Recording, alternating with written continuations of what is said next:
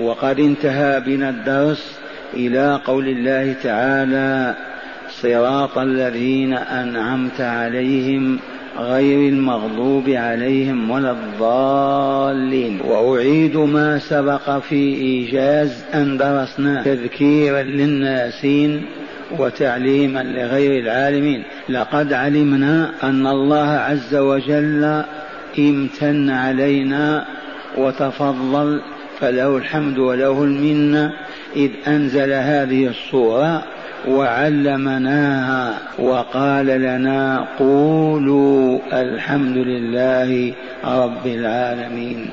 الرحمن الرحيم. مالك يوم الدين. إياك نعبد وإياك نستعين. اهدنا الصراط المستقيم صراط الذين أنعمت عليهم غير المغضوب عليهم ولا الضالين. اذا علمنا كيف نحمده ونثني عليه ونمجده لأنه أهل لذلك. وكيف؟ وهو رب العالمين وهو الرحمن الرحيم وهو المالك ليوم الدين. وعلمنا كيف نتملقه ونتزلف إليه ونقول في صدق إياك نعبد وإياك نستعين. علمنا كيف نتملق إليه ونتزلف ونقول إياك نعبد أي لا نعبد إلا أنت ونحن عابدون نحن عابدون لك ولا نعبد معك سواك. وبك نستعين. لا نطلب العون من غيرك إذ لا يعين إلا أنت. أنت وحدك المعين. وقد علمنا حديث معاذ كيف نسأله تعالى دبر كل صلاة. اللهم أعنا على ذكرك وشكرك وحسن عبادتك. إن من لم يعنه الله ما وصل. أبدا ولا فاز ولا عمل ولا نجح. إننا مفتقرون إلى عونه. إذ هو الذي يصرف الموانع وهو الذي يسبب الأسباب وهو الذي يهدي إليها ويسوق عبده حتى يقوم عمله على الوجه المطلوب فينجح فيه ويكسب زكاة نفسه وطهارة روحه. وعلمنا اهدنا الصراط المستقيم. علمنا كيف نطلبه أن يهدينا يرشدنا يدلنا يصل بنا إلى الصراط المستقيم الذي من سلكه واستقام عليه نجح فاز نجا من النار ودخل الجنة. وقد عرفنا أنه الإسلام فهو دين الأولين والآخرين. من آدم عليه السلام إلى يوم الدين.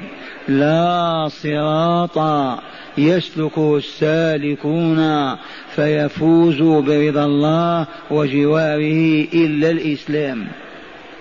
ما الإسلام؟ ما هو الإسلام؟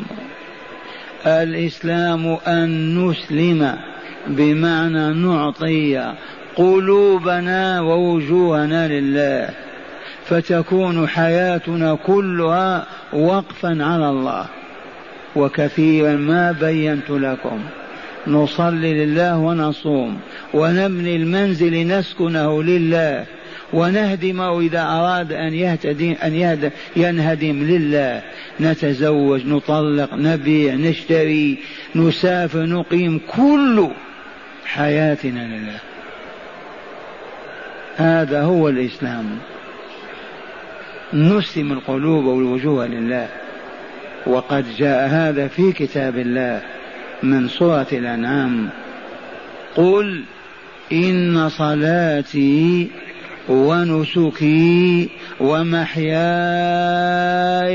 ومماتي لله رب العالمين. لا شريك له. بقي شيء؟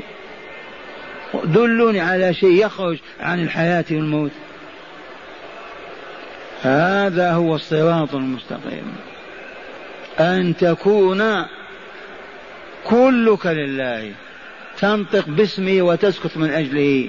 تعطي له وتمنع من أجله. وهكذا. هذا هو نظام حياتك. هذا الصراط المستقيم. وقوله صراط الذين أنعمت عليهم بيان وتفسير وشرح لهذا الصراط المستقيم. هل سلكه سالكون قبلنا؟ نعم.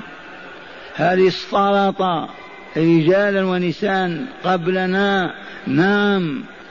من هم؟ هم الذين أنعم عليهم. صراط الذين أنعمت عليهم. وهنا جاء بيان هؤلاء في قول الله تعالى من سورة النساء واسمعوا ومن يطع الله والرسول. ومن يطع الله والرسول. ومن من ألفاظ العموم. يدخل فيها الذكر والأنثى والأبيض والأصفر والأول والآخر. من؟ يطع الله والرسول محمدا صلى الله عليه وسلم. فأولئك أي المطيعون لله والرسول مع الذين أنعم الله عليهم. مع الذين أنعم الله عليهم. وسنبين إن شاء الله هذه النعمة العظيمة التي أنعم بها عليهم. والآن من هم يا ربي؟ قال من النبيين. فمن هذه بيانية من النبيين جمع نبي وهم مئة وعشر ومئة ألف وأربعة وعشرون ألفا. منهم الرسل ثلاثمائة وثلاثة عشر أو أربعة عشر أو خمسة عشر. والصديقين. وعلى رأسهم أبو بكر الصديق وكل من صدق في عمله في حديثه في قوله وتحرى الصدق ولازمه حتى الموت إلا وهو صديق بين الصديقين. والشهداء جمع شهيد من قتل في ساحة القتال لأجل إعلاء كلمة الله من أجل أن يعبد الله وحده. ذلكم هو الشهيد وهم شهداء والصالحين. من هم الصالحون؟ الذين أدوا حقوق الله كاملة. في حدود قدراتهم وطاقاتهم وأدوا حقوق عباده كاملة لم ينقصوها لم يبخسوها. أولئك هم الصالحون. هؤلاء نسأل الله هو الذي علمنا أن يهدينا صراطهم الذي سلكوه ففازوا ونجوا من عذاب الله. ودخلوا رضوانه في دار السلام. صراط الذين أنعمت عليهم. لو قيل لك من هؤلاء؟ عمر أو عثمان؟ زيد أو زيدان؟ من هم؟ قل له قد بينهم تعالى لنا. في أية صورة في سورة النساء. وهل في القرآن صورة تسمى سورة النساء؟ والله اقرأ علي هذه الآية. تقول له أعوذ بالله من الشيطان الرجيم ومن يطع الله والرسول فأولئك مع الذين أنعم الله عليهم من النبيين والصديقين والشهداء والصالحين وحسن أولئك رفيقا. ذلك الفضل من الله وكفى بالله عليما.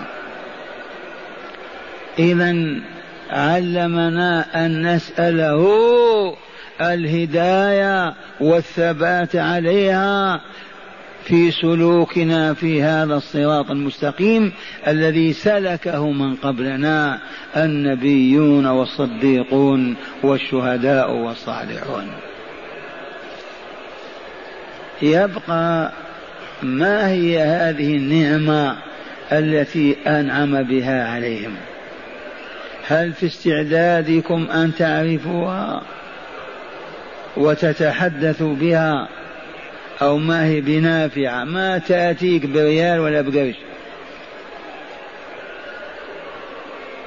اولا لفظ النعمة اسم جنس. تحته افراد لا حد ولا حصر لهم كقوله تعالى وإن تعدوا نعمة الله لا تحصوها فلو كانت نعمة واحدة كيف ما نحصيها؟ نعمة البصر معروفة. لكن المراد منها أفرادها بالمليارات كلفظ الإنسان واحد الإنسان اسم جنس تحته بليارات من الأفراد. إذا هذه النعمة هنا فتح الله علينا فيها وتكلمنا وبينا ونحن إن شاء الله على علم وعلى حق وهي أنها نعم ليست نعمة واحدة. النعمة الأولى نعمة الإيمان. نعمة الإيمان الذي هو ضد الكفر والعياذ بالله ضد التكذيب والإنكار والجحود. الإيمان هو التصديق بالله وملائكته وكتبه ورسله واليوم الآخر والقضاء والقدر. وبكل ما أمرنا الله تعالى أن نصدق به سواء كان معقولا غير معقول وراء العقل أو فوقه أو أمامه. إذا أمرنا الله تعالى أن نؤمن بشيء بمعنى نصدق آمنا به. وإن قالت المجانين هذا وراء العقل. اذا النعمة الأولى هي نعمة الإيمان. وهي من أعز النعم وأعظمها وأجلها وأفضلها وأبركها إنها بمثابة الروح للجسد. هل تتم حياة بدون روح؟ لا والله لن تكون وما تكون. اذا الإيمان بمثابة الروح والروح أغلى شيء وأنفسه وأعزه إذا نعمة عظيمة وهذه النعمة توهب ولا تطلب. فلاسفة حكماء علماء في الكون في الذرة في كل مجالات الحياة. وما آمنوا وماتوا بالبلايين. ما نفعهم علمهم في الفلك ولا في النبات ولا في الإنسان ولا في الذرة ولا ولا لأن نعمة الإيمان توهب وواهبها هو الله جل جلاله. لما لم يهبها لأبي طالب مات على الشرك والرسول بين يديه يقول له قل لا إله إلا الله كلمة أحاج لك بها عند الله. لو كان الإيمان يكتسب لآمن أبو جهل عمرو بن هشام لآمن أبو لهب لآمن ولا آمن. الإيمان نعمة إلهية عطية ربانية. من أعطيها فليكثر من حمد الله والشكر لله على هذه النعمة فإنها توهب. ولا تطلب. ليس معنى هذا أننا نقول للناس لا تتفكروا في خلق السماوات والأرض ولا في الحياة والأكوان. هذا كله يدعو إلى تقوية الإيمان وتثبيته في النفس وترسيخه في القلب. لكن كونك آمنت هذه نعمة الله. إذا هذه النعمة الأولى نعمة الإيمان. بكل ما أمرنا الله أن نؤمن به أي نصدق بوجوده وحقيقته. هذه أنعم بها على أولئك المواكب والا لا. ثاني نعمة نعمة معرفة الله تعالى بأسمائه وصفاته. هذه النعمة الثانية. هل بين أولئك المواكب من لا يعرف الله؟ يوجد؟ مستحيل. كيف أطاعوه وهم لا يعرفونه؟ كيف أحبوه وهم لا يعرفون جماله ولا كماله؟ كيف خافوا ورهبوا وهم ما عرفوا قدرته ولا علمه ولا سلطانه؟ مستحيل. نعمة معرفة الله. بأسمائه وصفاته.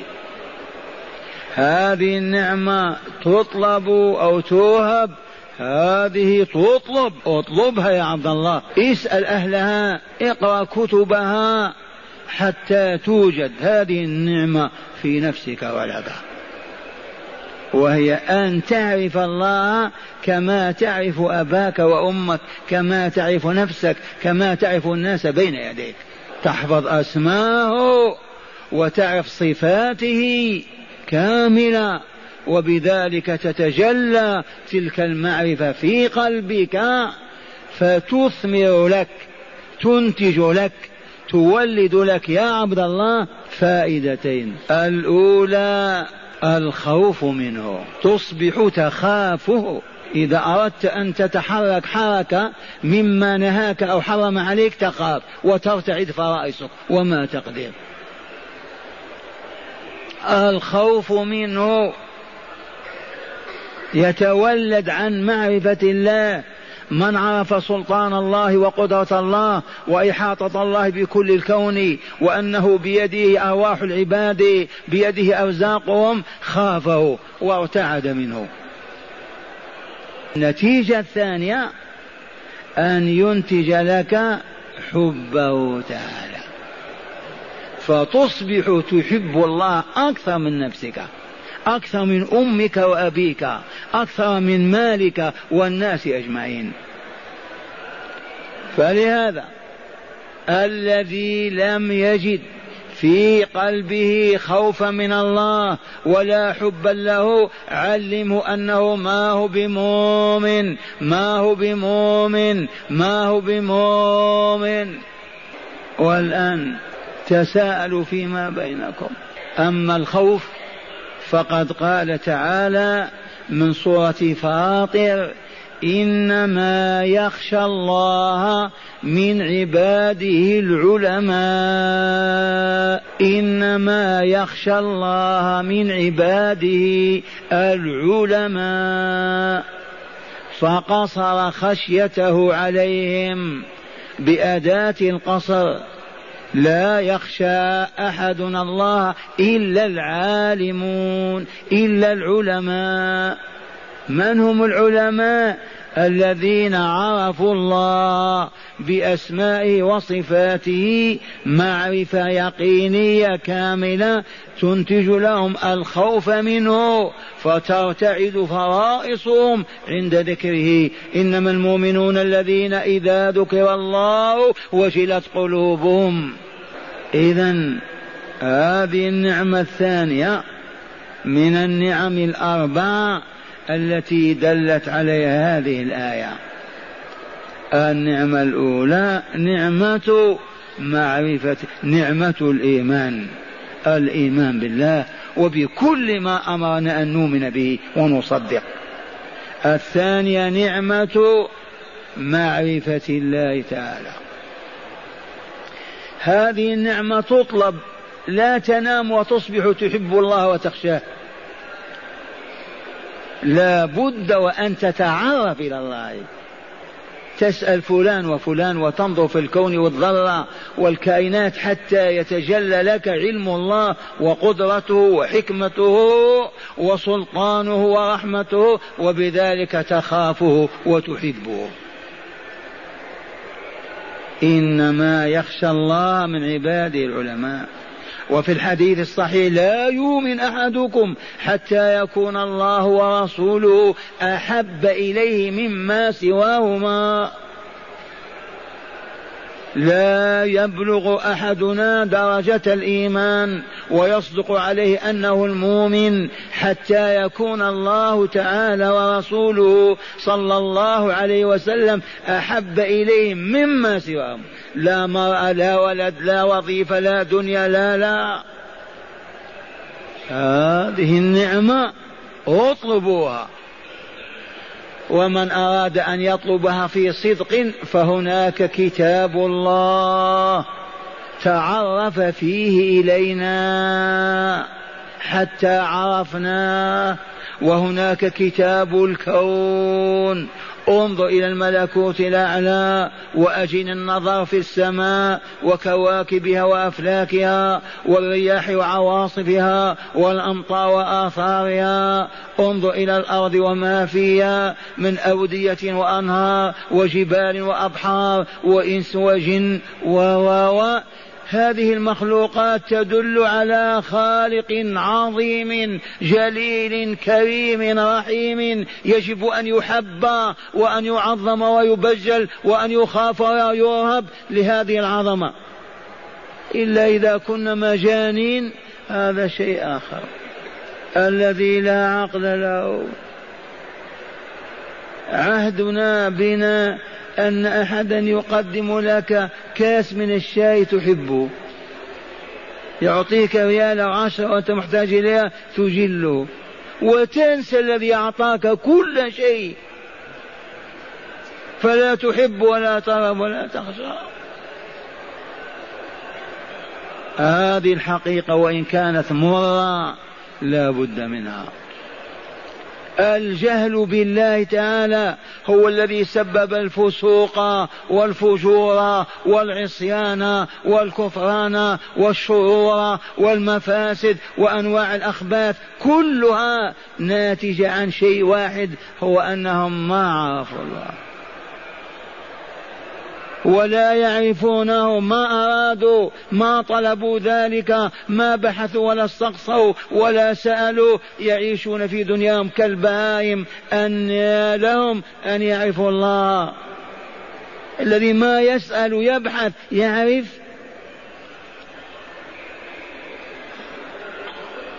هذه النعمة فاز بها أهل تلك المواكب. النبيون والصديقون والشهداء والصالحون.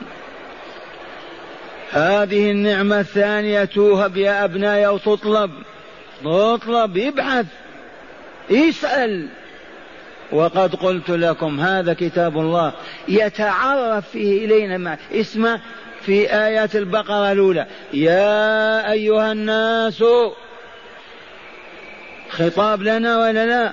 أبيضنا وأسودنا يا أيها الناس اعبدوا ربكم. من ربنا؟ الذي خلقكم. في من يقول أنا ماني مخلوق؟ هذا والله إن نهان عليه بالضرب. ما أنت مخلوق ماذا أنت؟ حجر؟ مخلوق وإلا لا؟ من خلقك؟ الله. اسأل تعرف إليه. أنت مخلوق. وخلق الذين من قبلكم.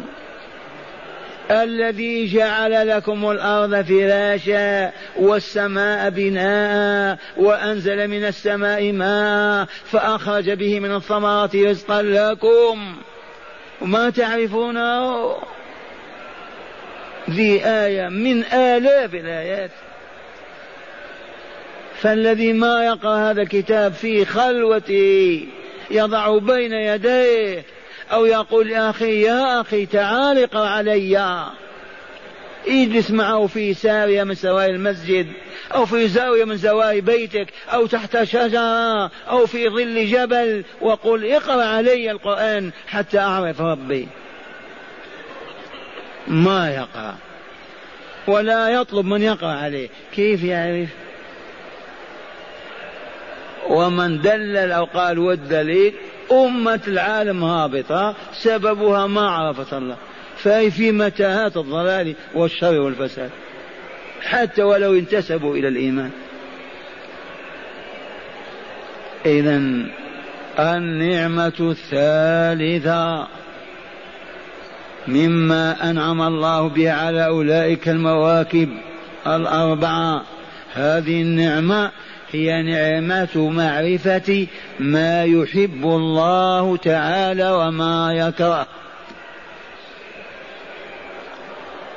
هل يعقل يا أبناء الإسلام أن عبدا آمن حق الإيمان وعرف الله بصفات الجلال والكمال؟ ثم ما يسأل عما يحب الله ولا ما يكره؟ يعقل هذا؟ إذا يتضارب معه. عرفتك عرفت جلال كمالك لكننا ما نسأل عما تحب ولا ما تكره. نفعل ما نحب. هذا أعلن الحرب على الله. لا بد من الضروريات لمن آمن وعرف الله أن يعرف ما يحب الله وما يكره. حتى لا يقع في خصومة مع الله. الله يحب كذا ويحب كذا. الله يكره كذا ويكره كيف كيف يعبده؟ كيف تتم ولايته؟ مع لا إعلان حرب على الله. معاكسة. معاشر المستمعين والمستمعات من هنا طلب العلم فريضة طلب العلم فريضة في من ينقض هذه؟ الآن ما أصبحنا نقدر على نقضها. لا بد من معرفة ما يحب الله وما يكره. حتى تأتي المحبوب وتقدمه له وتطيعه فيه لأنه يحب وهو سيدك ومولاك إلهك ومعبودك مربيك وذو نعمتك. كيف ما تعرف ما يحب حتى تقدم له المحبوب؟ ويجب أن تعرف ما يكره حتى من نظرة أو كلمة. من أجل أن تبتعد عنها وتتجنبها ولا تأتيها حتى لا تغضبه عليك وتسقطه فتخسر كل حياتك. معرفة ما يحب وما يكره. وقد كررنا هذا العلم وعرفه الصالحون والصالحات. إنه ما يحب من الاعتقادات والأقوال والأعمال والصفات والذوات. والذي ما عرف يجب أن لا ينام الليل ابدا. وهو من باب عالم إلى باب عالم يقع على أبواب. علموني ما يحب ربي. من أجل أن نقدم له ذلك. هذا لو اتقدت شعلة الإيمان في القلب. والله ما يقوى أن ينام الليلة وهو لا يعرف ما يحب الله ولا ما يكره. كيف؟ كيف أعيش؟ لعلي أنا فيما يكره. لعلي أنا تارك ما يحب. يا ويلي. معاشر المستمعين والمستمعات وواقعنا شاهد.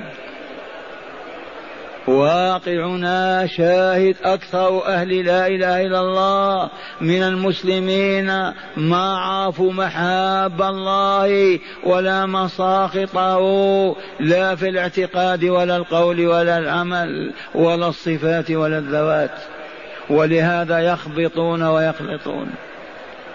هذه النعمة تطلب وإلا توهب. قولوا هذه تطلب بالكد والجد والرحلة إلى الصين والشام والشرق والغرب حتى تعرف ما يحب الله من الكلام والقول ومن العمل وما يكره من ذلك.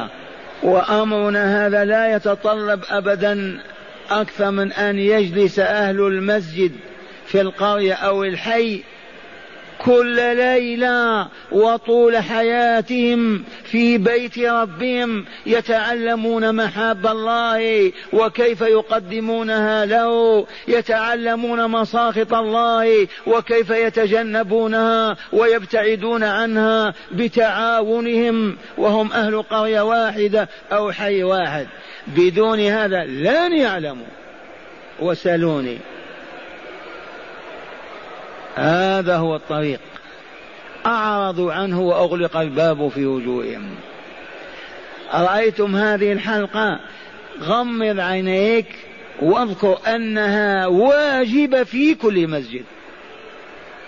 في المدينة سواء كانت لندن وإلا مدينة محمد صلى الله عليه وسلم. كل مدينة فيها أحياء أهل كل حي. يجتمعون هذا الاجتماع بنسائهم وأطفالهم ورجالهم كل ليلة وطول العمر حتى يعرفوا الله معرفة تكسبهم خشيته وحبه حتى يعرفوا ما يحب الله ما يكره الله وينهضون بالمحبوبات ويقدمونها ويجتنبون المكروهات ويبتعدون عنها وبذلك تتحقق لهم ولاية الله.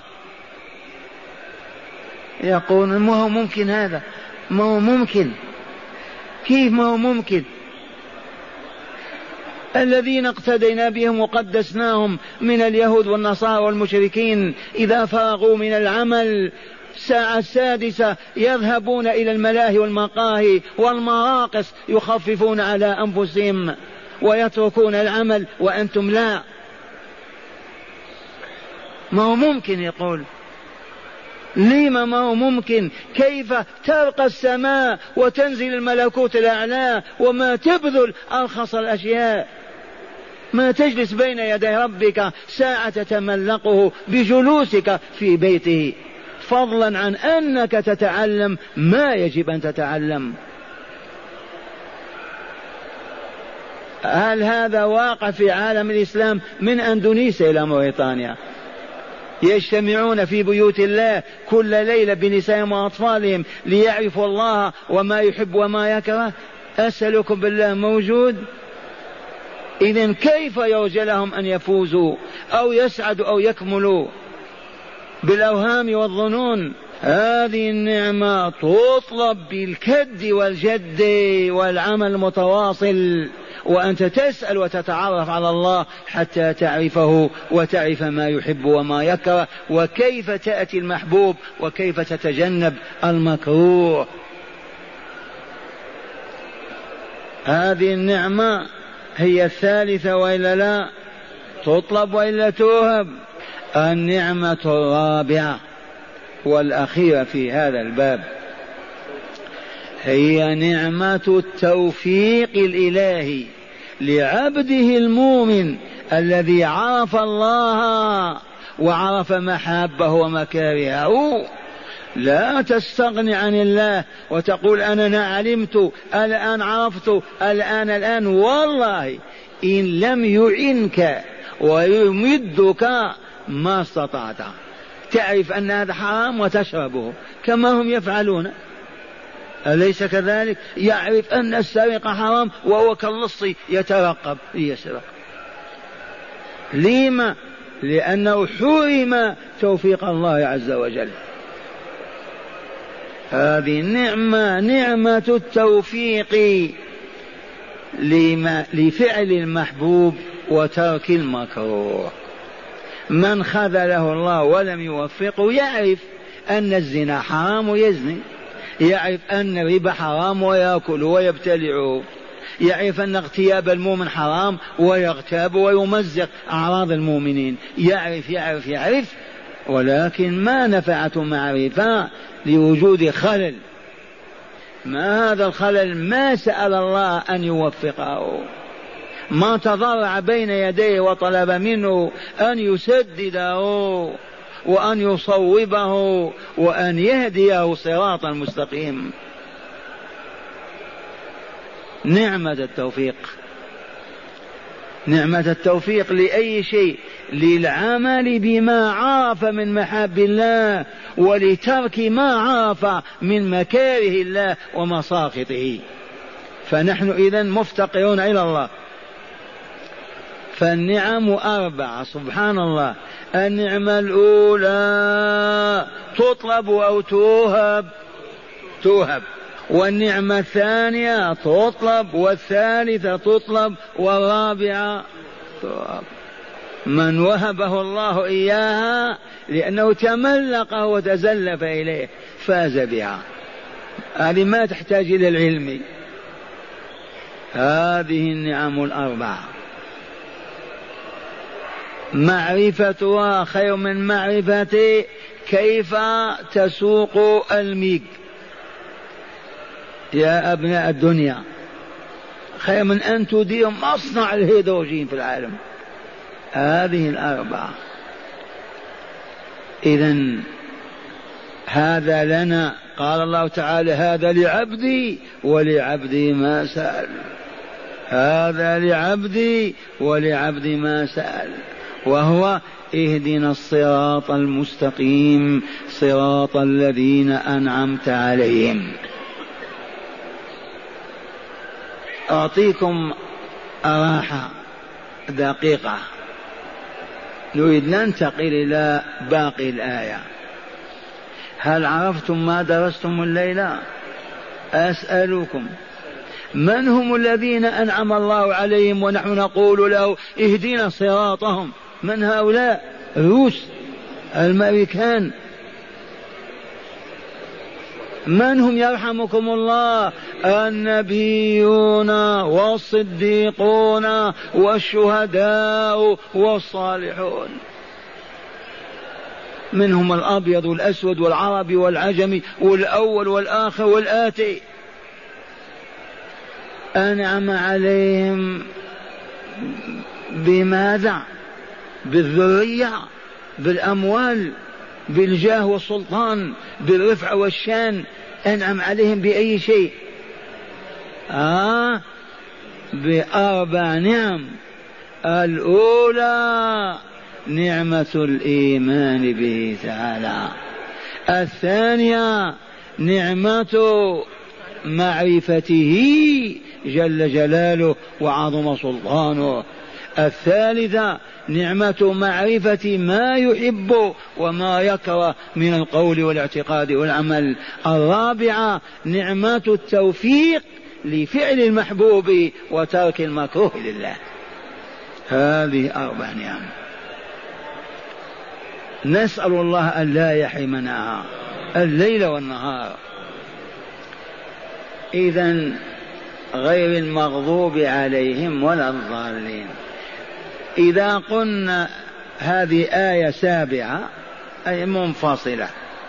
وإذا قلنا هي تابعة صراط الذين أنعمت عليهم هي الآية بكاملها.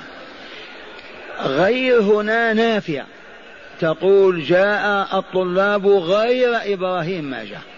نافية ولا لا؟ مثل لا. حضر التلامذة غير عيسى. ما حضر. إذا اهدنا الصراط المستقيم صراط الذين أنعمت عليهم غير صراط المغضوب عليهم ولا الضالين. غير صراط المغضوب عليهم ولا الضالين. اهدنا صراط من أنعمت عليهم لا صراط المغضوب عليهم ولا صراط الضالين.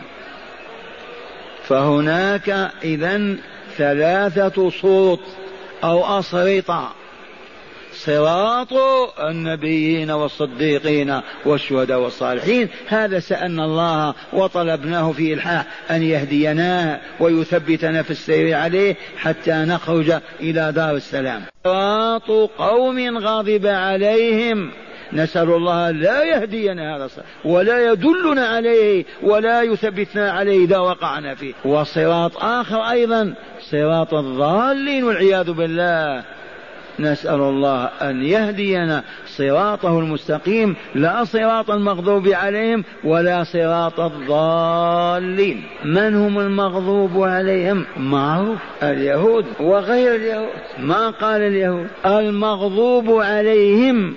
اسمع يا عبد الله هو الذي عرف الله.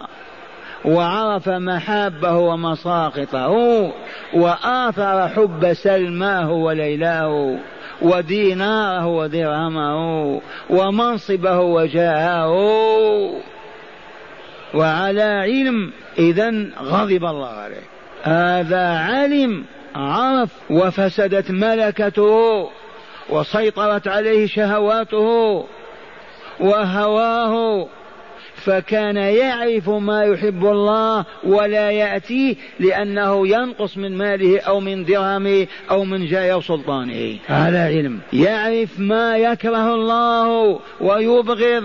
ويأتيه لأنه يحقق له ماله أو شهوته أو هواه. ويدخل في هذا من باب المثل بنو عمنا اليهود. والله لا يعرفون أن محمد رسول الله كما يعرفون أولادهم.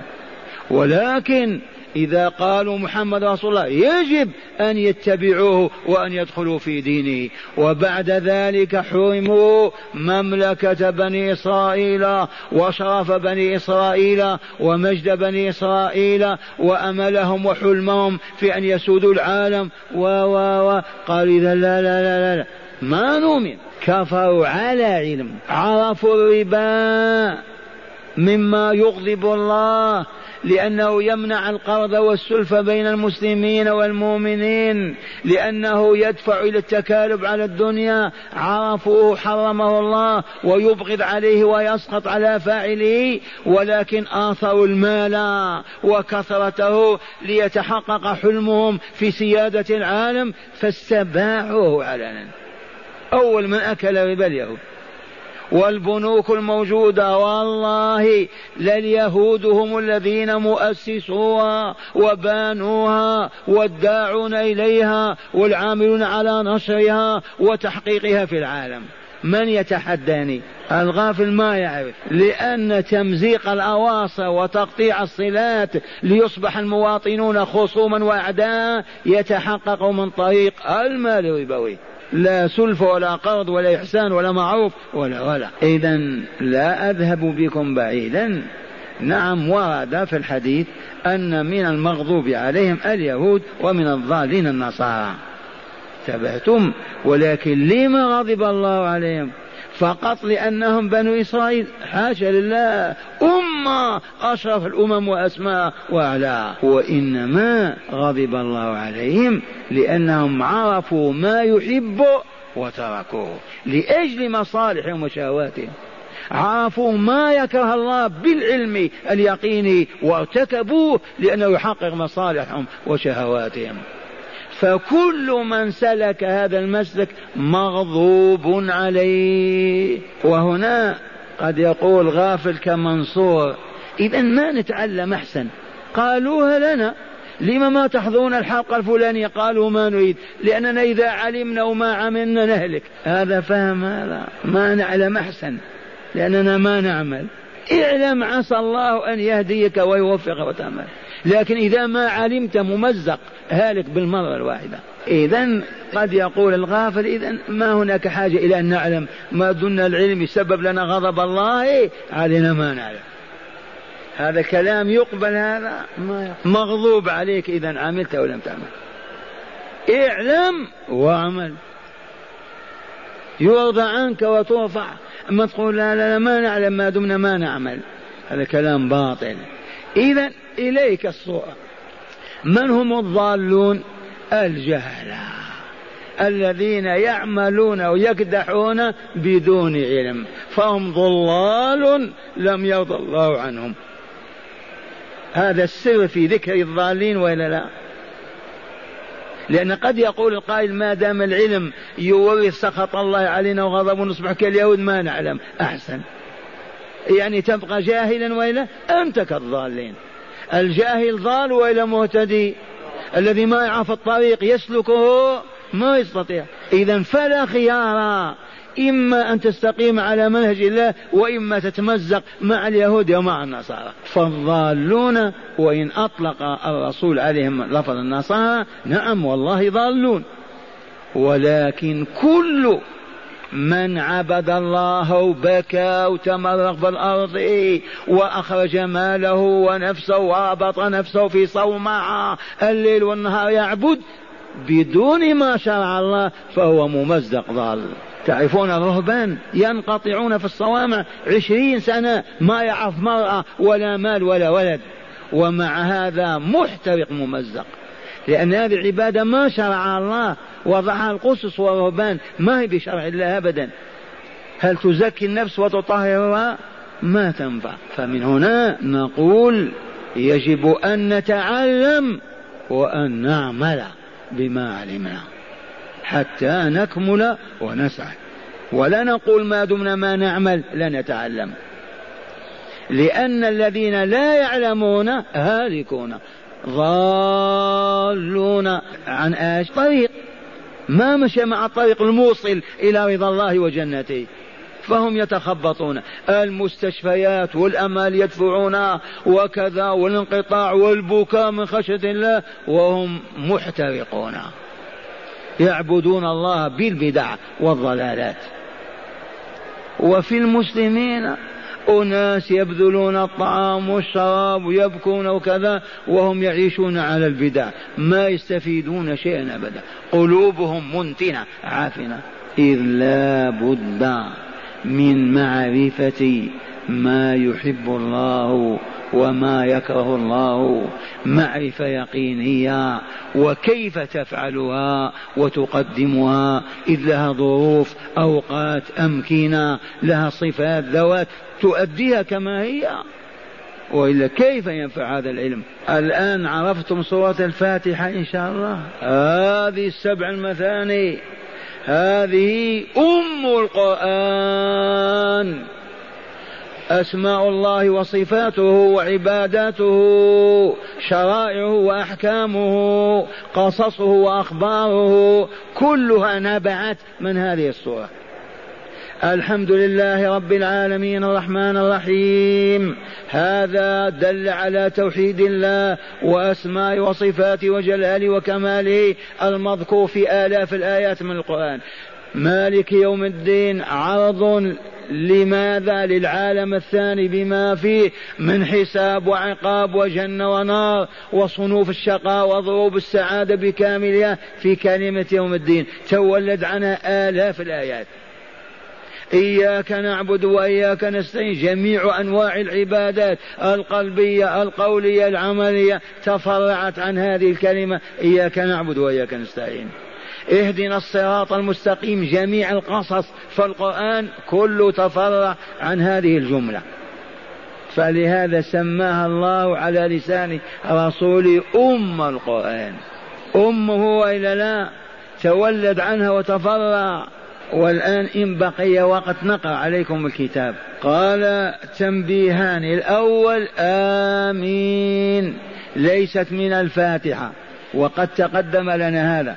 آمين. هذه الجملة معناها اللهم استجب ليست آية من الفاتحة. هذه يقول فيها الرسول صلى الله عليه وسلم ما, ما حسدكم اليهود في شيء كما حسدوكم في آمين. لأنهم ما أعطوها ولا عرفوها. كلمة آمين.